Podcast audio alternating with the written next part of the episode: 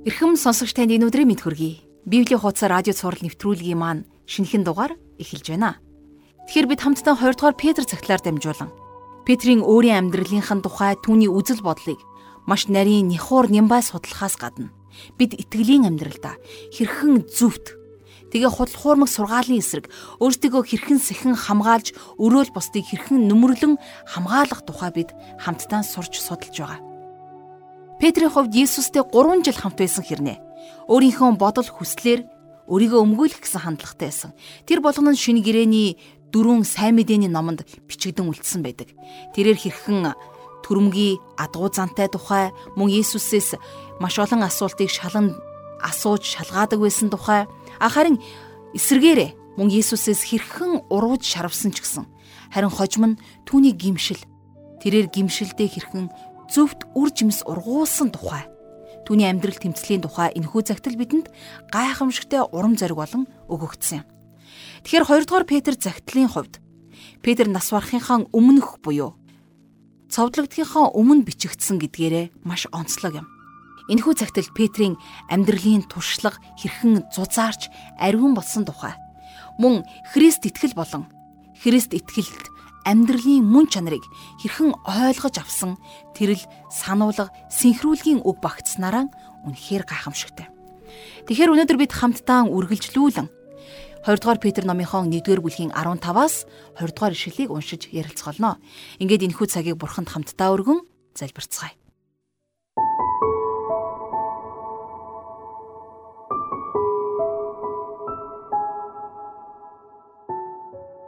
Бурхан эзэн минь таньдаа талархаж байна. Энэ өдөр бид таны үгийг судалж, таныг улам илүү таньж мэдхийг хүсэж байна. Тимээ эзэн минь таны үг бол үнэн гэдгийг таны амлалтууд гарцаагүй биелэх болно гэдэгт бидэнд та энэ цагт ойлгуулж ухааруулж өгөөрэй. Хуучин гэрээн дэрх таны иш үзүүлгүүд үг бүрчлэн биелсэн шиг Есүс Христийн дахин ирэлттэй холбоотой түүний эрх хаанчлалын тухай иш үзүүлгийн үгс одоо ч гэсэн гарцаагүй биелнэ гэдэгт итгэх тэрл найдвар дотор бид сүндэрлэн босхийг хүсэж байна. Эзэн минь хичээлийн энэ цагийг таньдаа өргөж эзэн Есүсийнхээ нэрээр залбирanгуйж байна. Амен. Ингээд хамтдаа жаргал агш хичээлд анхаарлаа хандуулъя. За өнөөдрийнхөө хичээлийг э, Петрийн 2 дугаар загтлын 1 дугаар бүлгийн 15 дугаар ишлэлээр эхлүүлье. Намайг одсны дараа та нар эдгээр зүйлийг үргэлж санах чадвартай байгаасаа гэсэндэ би бас хичээх болно. За энд Петр өөрийнхөө удахгүй ирэх үхлийн талаар хэлэхдээ асраа орхин одох гэсэн илэрхийллийг ашигласан байгаа тийм ээ. За энэ тухай бол бид нэр өнгөрсөн хичээлээр ярилцсан. Тэгэхээр Петрийн энэхүү илэрхийллээс үхэл бол төгсгөл биш юма гэдгийг харж болно. Энд гарч байгаа одох гэдэг үг нь за гитлэл ном дээр гардаг гитлэх гэсэн үгтэй адилхан байдаг. Израильчууд Египтийг орхин одох үед үлдэж хоцорсон Египтчүүд тэд нарыг цөлд очоод амиа алдах болно. Тэдний хувьд бүх зүйл дуусах болно гэж бодож байсан. А гэтэл харин эсэргээрээ Египтээс явснараа Израильчуудын төгсгөл ирээгүй харин ч тэд нар эцэстээ амлагдсан газарт хүрч чадсан байна. Тэгэхээр яг энэний нэгэн адилаар Петр ч гэсэн бас өөрийнхөө үхлийн талаар өгүүлэхдээ энэ дэлхийг орхин илүү дээр газар руу одож байна гэдэг утга санаагаар хэлсэн байна. Петр энд хэлэхдээ та нар эдгээр зүйлийг үргэлж санах чадвартай байгаасаа гэсэндэ би бас хичээх болно гэсэн байна, тийм ээ. За өөрөөр хэлэх юм бол Петр энэхүү загталтаа өгүүлсэн зүйлсийг та бид нар үргэлж санаж явах хэрэгтэй гэсэн үг. А тэгвэл Петр энэхүү загталтаа Бурхны үгийн хүч чадал. За дээрэс нь Бурхны үгээр дамжуулан Есүс Христийг таньж мэдэх мэдлэгийн тухай голчлон өгүүлсэн байдаг. Миний бодлоор өнөөдөр энэ дэлхий дээр хоёр хүч үйлчилж байгаа. Нэг нь төвд тэмүүлэх хүч, нөгөөх нь төвөөс зугтах хүч. Хэрвээ бид нар олсны үзүүрт жижигхэн бөмбөг тогтоогоод тэгээд тэрхүү олсоо толгой дээгүүрээ дүүгүрдэн эргүүлэх юм бол бөмбөгөнд төвөөс зугтах хүч үйлчилж бөмбөг гадагшаа тэмүүлдэг. Харин төвд тэмүүлэх хүч бол яг эсэргээрээ тухайн зүйлийг хүндийн хүчний төв рүү татаж байдаг. А тэгвэл бид нар Бурхны үгийг төвөөс зугтах хүч гэж бас ойлгож болно. Энэ дэлхий та бид нарыг төвд тэмүүлэх хүчээр буюу өөр лүгэ дэлхийн систем рүү татаж байдаг болвол Бурхны үг биднэрт төвөөс зугдах хүч болж биднийг энэ системээс холдуулж байдаг. Архичин байж байгаад Есүс Христэд итгэснээр архинаас гарсан нэг хүн Бурхны үг өөрийнх нь амьдралыг архин далаагаас хэрхэн татаж гаргасан тухай гэрчилж байхыг би өмнө нь сонсож байсан. Тэгэхээр Бурхны үг болвол тэр хүний амьдралыг архиталт энэ дэлхийн бузар муухай амьдралаас татан холдуулаад зогсохгүй. Бурхан руу ойртуулан татсан юм а. За 16 дугаар ишлэлдэр бид эзэн Есүс Христийн хүч чадал ба түүний эрх тухай та нарт мэдүүлэхдээ ухаалгаар зохиогдсон домгуудыг дагаагүй. Харин бид түүний сүр жавхланг нүдээр гэрчлэгчд байсан гэж Петр бичсэн байна. Хэрвээ та бид нар Есүс Христэд итгэж түүнд гим нүглээ гимших юм бол Бурхан бидэнд Библиэлд үгс үнэн болохыг баталж өгдөг. Харин олон хүмүүсийн хувьд тэд нар гим нүглээсээ эргэхийг хүсдэггүй учраас тэдний зүрхэн дээр бүтээлэг тавиастай байдаг. Тийм учраас тэд нар Библийг уншивч энэ үгийг үнэн гэдгийг ойлгож хүлээж авч чаддаггүй. Харин бид нар гим нүглээсээ эргэж Бурхны өмнө очих үед Бурхан та бидний зүрхэн дээрх бүтээлгийг аваад а ингэж байж Библийн үгс үнэн болохыг бид ариун сүнсний ятгалаг тусламжтайгаар ухаарч эхэлдэг юм аа. Тэгэхээр Петр энд өөрийнхөө тухай хэлэхдээ харин бид түүний сүр жавхланг нүдээр гэрчлэгчд байсан гэж хэлсэн байна. Петр Есүс эзний сүр жавхланг яаж нүдэрэ харсан болоо? Энэ талаар дараачийн ишлэлдэр тодорхой хэлсэн байдаг. 17-оос 18 дугаар ишлэлдэр Учир нь түүнийг эцэг бурхнаас хүндлэл ба алдрыг хүлээн авах үед сүр жавхлан талдраас энэ бол миний хайртай хүү түүнд таалал минь оршдог гэсэн дуу гарав. Бид түүнтэй хамт ариун уулан дээр байхдаа Тэнгэрээс гарсан энэ дууг сонссон билээ гэсэн байна. Петр энэ уулан дээр эзэн Есүсийн дүр хэрхэн хувирч өөрчлөгдсөн тэрхүү үйл явдлыг нүдэрээ харгасныхаа хувьд бичсэн баг. Энэхүү үйл явдал ямар чухал ач холбогдолтой байсныг бид нар ч гэсэн өнөөдөр сайтар ойлгох хэрэгтэй юм а. Матай 16 дугаар бүлгийн 28 дугаар ишлэлдэр Үннээр би та нарт хэлье. Энд зогсогчдын зарим нь хүний хүүг хаанчлалдаа ирэхийг харах хүртлээр үхлийг амсахгүй гэж хэлсэн нэг ишлэл байдаг тийм ээ. Энэ яг юг суудахтай вэ? Тэгэхээр энэ хүү ишлэлийн утгыг ойлгохын тулд байна. Бид нэр энэ түүхийн үргэлжлэлийг нь харах ёстой. За хэдийгээр та бидний Библиэлд 16 дугаар бүлэг яг энэ ишлэлээр дуусч байгаа ч гэсэн за 17 дугаар бүлэг дээр болвол а энэ түүхийн үргэлжлэл зарим зүйлийг ойлгоход биднэрт тус болно. За 17 дугаар бүлгийн 1-ээс 2 дугаар ишлэлдэр 6 өдрийн дараа Петр, Яаков болон түүний дүү Йохан нарыг Есүс дагуулan хідүүлэхний өндөр уулууд гарчээ. Тэр тэдний өмнө хуврив. Царай нь нар мэт гэрэлтэж, хувцс нь гэрэл мэт цагаан болсон байлаа гэсэн байна тийм ээ. За тэгэхээр Есүс Христийн хувирал нь хожим ирэх Бурхны хаанчлалын жижигрүүлсэн зураглал байсан. Уулын орой дээр Мосе, Илия хоёр эзэн Есүстэй хамт зогсож байгааг Петр харсан. Мосе хуучин гэрээний үеийн хуулийг төлөөлж байсан болвол Илия нь хуучин гэрээний үед амьдарч байсан иш үзүүлэгчдийг төлөөлдгөө гэж Библи судлаачид үздэг. Харин тэд нар чухам яг юуны тухай ярилцаж байсан юм бэ? Тэд нар Христийн үхлийн талаар ярилцаж байсан. Есүс Христ энэ дэлхийг орхин одож эцэг бурхныхаа оршихуйд очих тухай тэд нар ярилцаж байсан. Харин тэдний дэргэд эзэн Есүсийн гурван дагалдагч хамт байсан. За тэд нар бол Есүс Христийн хаанчлал биелэлээ олох үед амьд байх итгэгчдийг төлөөлсөн төлөөлөл байсан.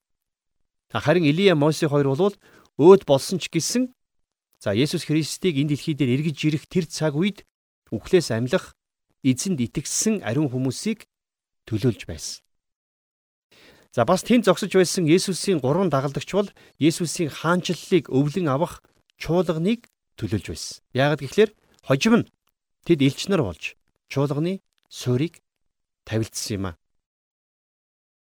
За тэгэхээр энэ гайхалтай үйл явдал болсны дараагаар Тэд нар уулнаас бууж явахдаа за чөтгөрд эзэмдүүлсэн хүүтэй нэгэн хүнтэй таарлцсан байдаг тийм ээ.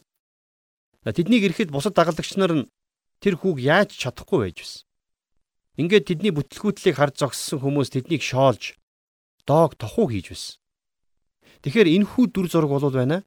Өнөөдрийн цаг үеийг илэрхийлсэн зураглал гэж бид ойлгож болно. Өнөөдөр Христийн хаанчлал хараахан бүрэн утгаараа биелэлээ олоогүй байна. Христийн хаанчлалыг мэдхгүй хүмүүс Христийнхнийг доог тохуу хийж байгаа. Харин цаг нь болоход Есүс Христийн хаанчлал энэ дэлхий дээр биелэлээ олох болно. Тэгэхээр Симон Петр уулан дээр Есүс Христийн дүр хувирсан тэрхүү онцгой үйл явдлын талаар бичсэн байх нэ. Тэр бүх зүйлсийг нүдээр үзсэн амьд гэрчинд бий байна гэж Петр гэрчилсэн байна шүү дээ. А ингээд 19 дугаар ишлэл буюу дараачийн ишлэлдэр Петр нэгэн сонирхолтой зүйлийг нэмж хэлсэн байна. Үүгээр бид илүү баттай иш үзүүлгийн үгтэй. Үүр цайж, үүрийн цолмон зүрхэнд чинь гийх хүртэл харанхуй газар гэрэлтэж байгаа дэнлүүг анхаарах мэт та нар түүнд анхаарал тавихтаа сайн байдгаа гэж бичсэн байна. Тэгэхээр Петринд юу гэж хэлсэн байна уу гэхээр энүүгээр бид нар илүү баттай иш үзүүлгийн үгтэй гэж хэлсэн байна. Энд гарч байгаа иш үзүүлгийн үг гэдэг нь болохоор зөвхөн иш үзүүлэгчдийн үг юм уу? Ирээдүйн тухай зөгнөж хэлсэн үг биш ээ. Харин Петр энэ үгээрээ Бурхны үгийг бүхэлд нь илэрхийлсэн шүү. Яагад гэхлээр Петр Библиэд ирэх бүх үгсийг Бурхны амнаас гарсан Бурхны амаар хэлэгдсэн үг гэдэгт итгэж байсан. Харин иш үзүүлэгчдийн хувьд гэх юм бол тэд нар Бурхны хэлж өгсөн үгийг байгаагаар нь дамжуулан хэлсэн төдий. Энэ тухай дараачийн ишлэлдэр тодорхой хэлсэн байгаа. Бурхан Библиэлд үгсийг бичсэн хүмүүсээр дамжуулаад өөрийнхөө төгс хүслийг илэрхийлэн бичүүлсэн. Ийм учраас энэ ном бол гайхамшигт ном юм аа. Библи бол Бурхны тэнгэрлэг үг. Гэхдээ нэгэн зэрэг энэ бол маш хүмүүнлэг үг. Яг л Есүс Христ өөрөө 100% хүмүүн 100% бурхан байсан шиг Библи бол бурханлаг ном бас хүмүүнлэг ном. Библи тэр чигээрээ хүмүүн бидний амьдралын тухай өгүүлдэг. Бурхан өөрийнхөө үгийг хүмүүн бидэнд ойлгомжтойгоор хэлж бичүүлээд та бидний өдөр тутмын амьдралд энэ үгээрээ дамжуулан ажилдгаа гэсэн үг. Олон хүмүүс хуучин гэрээний эсвэл шин гэрээний үеийн итгэлийн бааtruудад атаархдаг. Тэр цаг үед бид нар тэдэнтэй байсан ч болоосой гэж олон хүмүүс ярьдаг. А гэхдээ та бидний гарт тэдэнд ч байгаагүй гайхамшигтай ном өнөөдөр байна. Энэ бол Библи. Энэ бол Бурхны үг. Бид нар энэ үгийн өмнө зүрх сэтгэлээ нээх юм бол энэ үг шууд бидний зүрх сэтгэлдээ ярьж хүүрнэлдэнэ. Энэ ч утгаараа Бурхны үг бол та бидний нүдээр үзэж гартаа барьж байгаа бүх зүйлээс ч илүү агуу юм гэдэгт итгээрэй. Петр цааш нь хэлэхдээ үүр цайж үүрийн цолмон зүрхэнд чинь гих хүртэл гэсэн байна тийм ээ. Илчлэл номын 22 дугаар бүлгийн 16 дугаар ишлэлдэр эзэн Есүсийг үүрийн цолмон гэж нэрлсэн байна. Өөрөөр хэлэх юм бол энд Есүс Христийг дахин ирэх хүртэл Бурхны үг та бидэнд энэ дэлхийн ёрийн муу системээс зугтахад туслах төвөөс зугтах хүч байх болно гэсэн үг. За тэгээд дараа нь Петр харанхуй газар гэрэлтэж байгаа дэнлүүг анхаарах мэт та нар түүнд анхаарал тавихтаа сайн байдгаа гэж хэлсэн байна. Бурхны үг бол гэрэл. Тэнгэрт гэрэлтэх нар мэт. Бурхны үг бол гэрэл гэгээг түгээгч. Амьдралын гэрэл, гэрлийн их үүсвэр. Энэ бол та биднийг энэ дэлхийн системээс зугтахад туслах, төвөөс зугтах хүч. Тийм ч учраас Бурхан бидэнд өөрийнхөө үгээр дамжуулан гэрлээ өгсөн, хүчээ өгсөн. Та бидний амьдарч байгаа энэ цаг үед Бурханы үг бол итгэгч та бидний гарт байгаа Бурханаас өгөгдсөн хамгийн гайхамшигтай хүч юм шүү. За 20 дугаар ишлэлийг хамтдаа уншийе. Бичвэрийн нэгч иш үзүүлэг. Иш үзүүлэгчийн өөрийнх нь тайлбараар ирээгүйг юуны төрөнд мэдэх төө. За Петр энд нэг зүйлийг юуны төрөнд мэдгтүн гэж загсан байна. За энд мөн л мэдэх тухай Петр өгүүлсэн байгаа. Бид нар Бурхны үгийг уншиж судлах үед Бурхныг улам илүү таньж мэдэж байдаг. А ингэхдээ та бидэнд энэхүү үгийг мэдүүлж өгдөг нэг нь Бурхны ариун сүнс. Бид нар өөрсдөө судлаад нэг зүйлийг олж мэдэх нэг хэрэг тийм ээ. Харин ариун сүнс та бидний зүрхэнд Бурхны үгийг үнэн гэдгийг ойлгуулна гэдэг бол тис өөр мэдлэг юм шүү. Тэгэхээр би өмнө нь хэлж байсан. Би анхандаа Библийг үнэн болохыг батлах гэсэн янз бүрийн факт, баримтуудыг маш ихээр сонирхдаг байсан. За тэгж байж л Библи үнэн болчих юм шиг надад санагддаг тийм үе байсан. Харин одоо бол тэр цаг үе ард хоцорсон. Одоо надад Библийг үнэн болохыг батлах ямар нэгэн археологийн олбор хэрэггүй. Яагад гэвэл энэ үг үнэн болохыг би мэддэг болсон. Ариун сүнс миний зүрхэнд үүнийг мэдүүлж өгсөн. Энэ үгэнд л хүч байдаг гэдэгт би итгэ зогсохгүй. Үнэхээр байдаг гэдгийг би мэддэг болсон.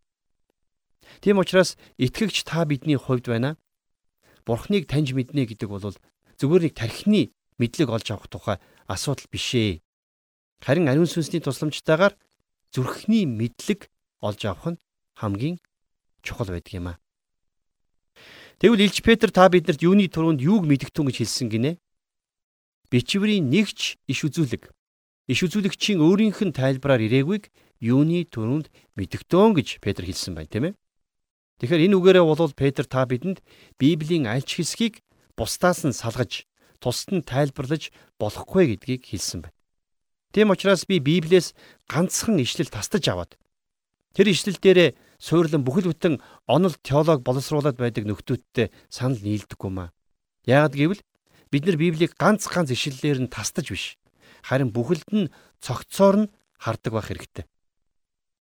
Хэрвээ та нэг ишлэлээс нь нэг янзын теолог гаргаж ирсэн бол Библийн бусад ишлэл тэр теологийг чинь дэмжих ёстой л гэсэн үг. Хэрвээ тийм биш бол тэр чинь алдаатай теолог. Энэ хоёр ойлголтыг бид нэр дөрвөн дугуйтай машин ганц дугуйтай нэг хүний дугуй хоёртой адилтгаж болох юм. Тэгэхээр нэгхэн ишлэлдээр суйрлагчд яг л нэг дугуйтай циркийн дугуй унжсан хүнтэй адилхан.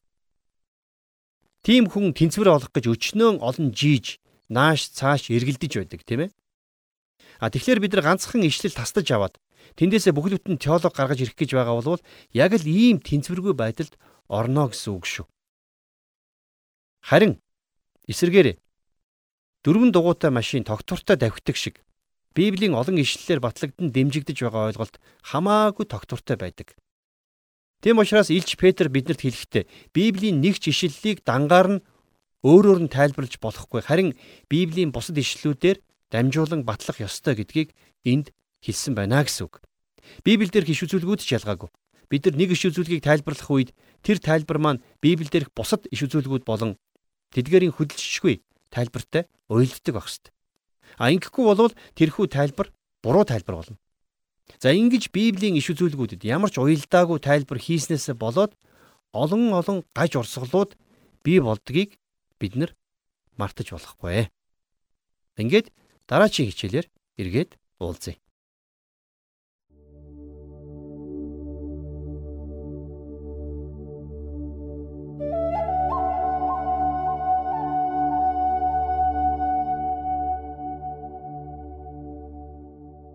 Тэгэхээр өнөөдөр бид хамтдаа 2 дугаар Петр номын 1-р бүлгийн 15-аас 20 дугаар ишлэлийг уншиж судаллаа.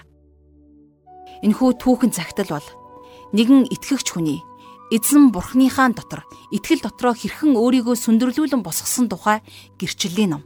Эндээс та бид өөрсдийнхөө ам амьдралыг тунгаан бодож, эргэцүүлж хэрхэн Петр шиг, хэрхэн эзэн Есүс шиг амьдрах тэрэл ухаанд бид хамтдаа суралцж байгаа. Тэгэхээр бурхны үг бол хэрхэн үнэн болох тухай элч нар өөр өөрсдийнхөөрөө гэрчилдэг. Ягаад тэгэхээр элч нар өөрсдөө Есүс Христийн гайхамшгуудыг нүдэрээ үзэж, жихээрээ сонссон нүдэн гэрч нар байсан. Түгэж зогсохгүй хуучин гэрээний үеийг иш үзүүлгүүдийн биелэл гэдэгч бурхны үг үнэн болохыг ийхүү гэрчилж өгдөг юм. Мөн хуучин гэрээн дээрх иш үзүүлгүүдийн биелэл нь энд хилэгдсэн бурхны үг ч гэсэн биелэх болно гэдгийг бодит баталгаа болон өгөгддөг байна. Хичээлийн туршид сонсон суралцсан болгоныхоо төлөө Бурхан талархал магтаал өргөн хамтдаа залбирцгаая.